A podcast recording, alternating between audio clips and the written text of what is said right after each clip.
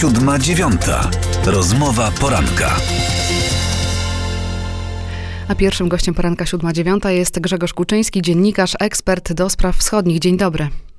Dzień dobry. Jak pan ocenia rozmowę Merkel-Łukaszenka? Czy to nie jest legitymizacja białoruskiego dyktatora? No tak, to jest legitymizacja białoruskiego dyktatora i to jest wyłom w takim jednolitym froncie Unii Europejskiej, Zachodu wobec Łukaszenki, frontu, który został przyjęty, uzgodniony po sfałszowanych wyborach latem 2020 roku i który to front był umocniony przyjęciem sankcji uderzających w reżim Łukaszenki, szczególnie po porwaniu samolotu Ryanaira przez, przez białoruskiego dyktatora, więc tu niewątpliwie można mówić o sukcesie Łukaszenki czyli w samym fakcie, że doszło do takiej rozmowy. No właśnie, bo do Łukaszenki dotarł taki sygnał, że takimi akcjami jak ta na naszej granicy e, staje się partnerem dla Zachodu, że wtedy Zachód jest gotów rozmawiać?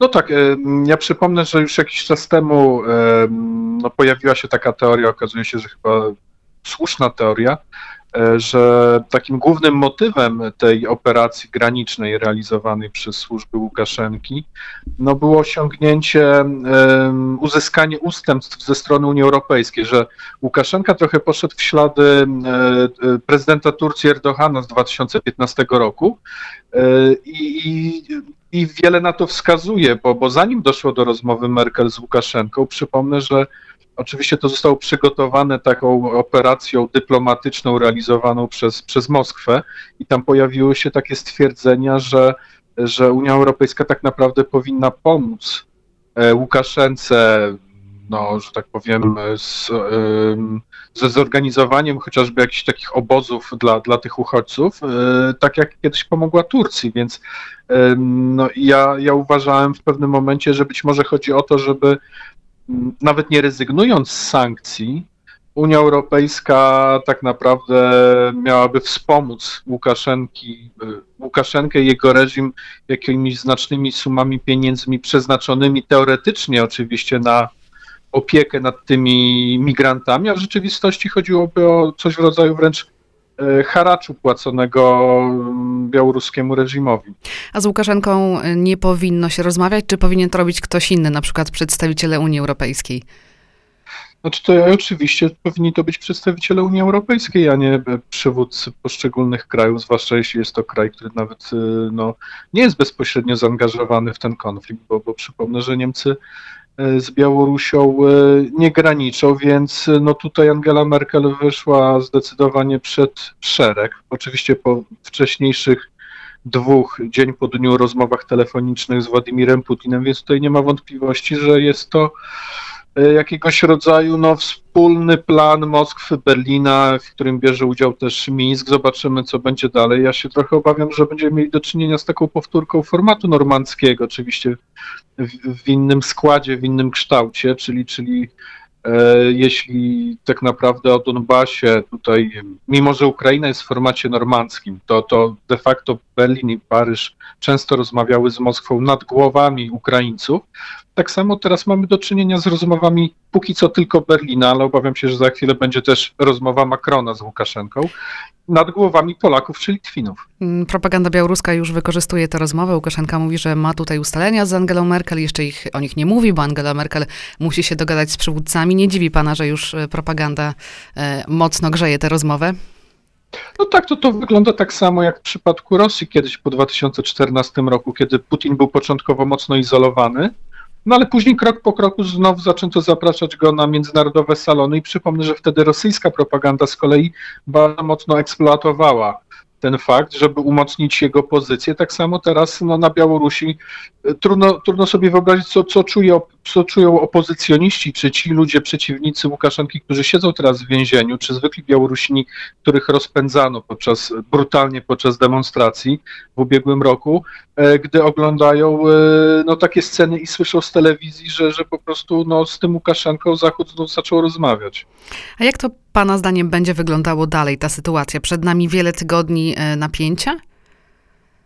Moim zdaniem nie. Moim zdaniem być może nie tygodnie, ale raczej dni. E, fakt, że doszło do rozmowy Merkel z Łukaszenką, e, powoduje, że mojej opinii najbliższe dni to będzie taka eskalacja, może być taka eskalacja nacisku na granicę, ale później to, zwłaszcza jeśli dojdzie do, jakiś, do jakiegoś porozumienia Łukaszenki i Łukaszenki z, z Niemcami czy z Unią Europejską, czego bym nie wykluczał, no to tutaj ta presja mm, na pewno się zmniejszy. Więc, więc e, odpowiadając na Pani pytanie, eskalacja tak, ale nie, nie w najbliższych tygodniach, ale raczej, ale raczej w dniach. A czy polska strona popełniła jakieś błędy w sprawie tego kryzysu? E, wydaje mi się, że wydaje mi się, że jeśli mówić o błędach, e, to, to teraz zwłaszcza się okazuje, że, że w, jednak w kwestii informacyjnej, podczas gdy no, chociażby teraz agencje informacyjne zachodnie, światowe relacjonują to, co się dzieje na granicy, no to one to relacjonują tylko i wyłącznie ze strony, ze strony białoruskiej. Wydaje mi się, że te kroki, o których teraz słyszymy, o pewnych zmianach w prawie, które umożliwią w uporządkowany sposób E, dadzą dostęp e, dziennikarzom do, do tej strefy przygranicznej, no to jest to trochę spóźniony krok i ktoś nie pomyślał wcześniej, że może nastąpić taka sytuacja, taka eskalacja. I, w, i gdy po prostu no w tej chwili, nie wiem, e, Reuters, AFP, różne agencje czy telewizje światowe, one relacjonują ten konflikt no tylko będąc po białoruskiej stronie granicy, więc tutaj wydaje mi się, że można było wcześniej pomyśleć, że dojdzie do takiej sytuacji. Natomiast jeśli chodzi o politykę taką e, międzynarodową, czyli szukanie ewentualnie poparcia innych w tym konflikcie, to nie wydaje mi się, żeby tutaj były jakieś, e, jakieś błędy, bo, bo właściwie w podobny sposób też postępowała Litwa.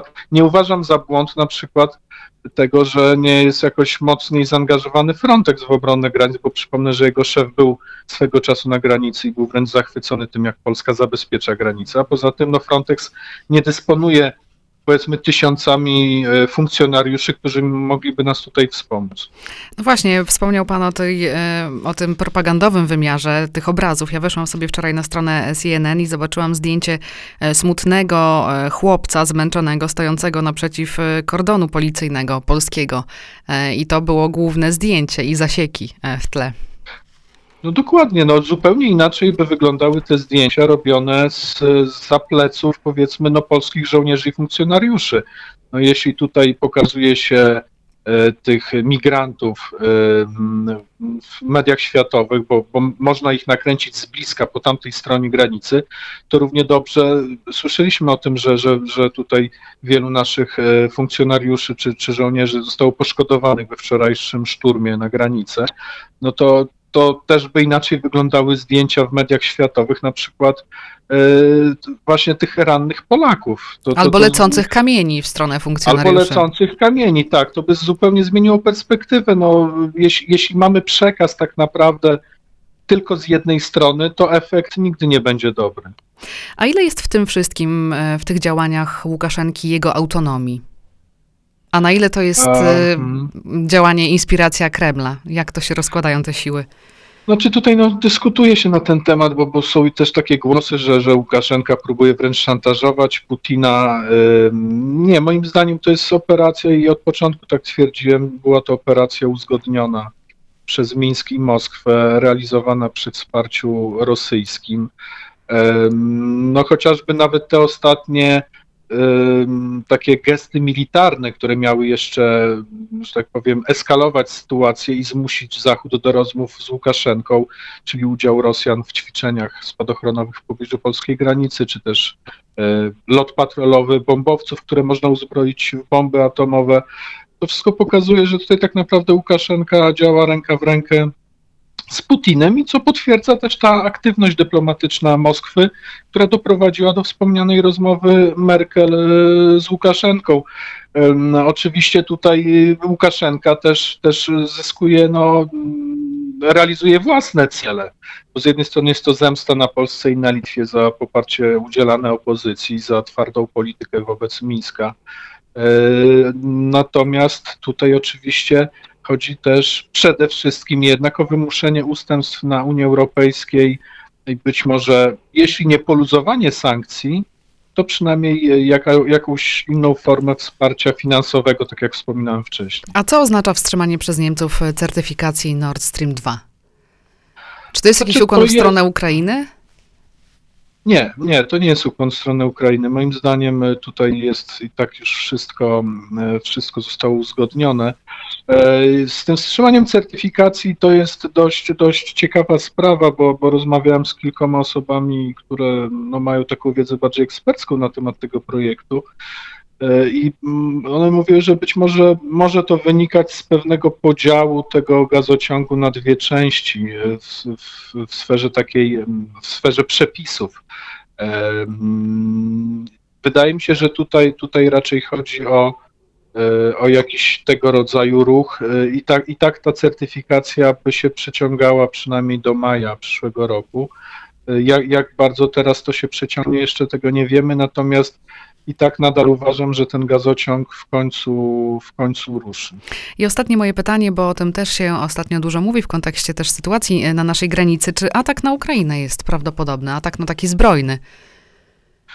Znaczy moim zdaniem nie, nie jest, nie jest, nie jest yy, możliwy. Na pewno nie w takim wymiarze, takim dużym wymiarze, no, dużej, regularnej, konwencjonalnej wojny. Być może mogłoby dojść do jakichś działań, yy, tak powiem, punktowych, czy na granicy w Donbasie, czy, czy na Morzu Czarnym. Natomiast no, przede wszystkim tutaj warunki pogodowe w tym momencie nie sprzyjają dużym działaniom lądowym w tej części Europy. Najwcześniej byłoby to możliwe w styczniu, w lutym. Grzegorz Kuczyński, dziennikarz, ekspert do spraw wschodnich, był pierwszym gościem poranka 7.9. Dziękuję bardzo. Dziękuję. 7.9. Rozmowa poranka.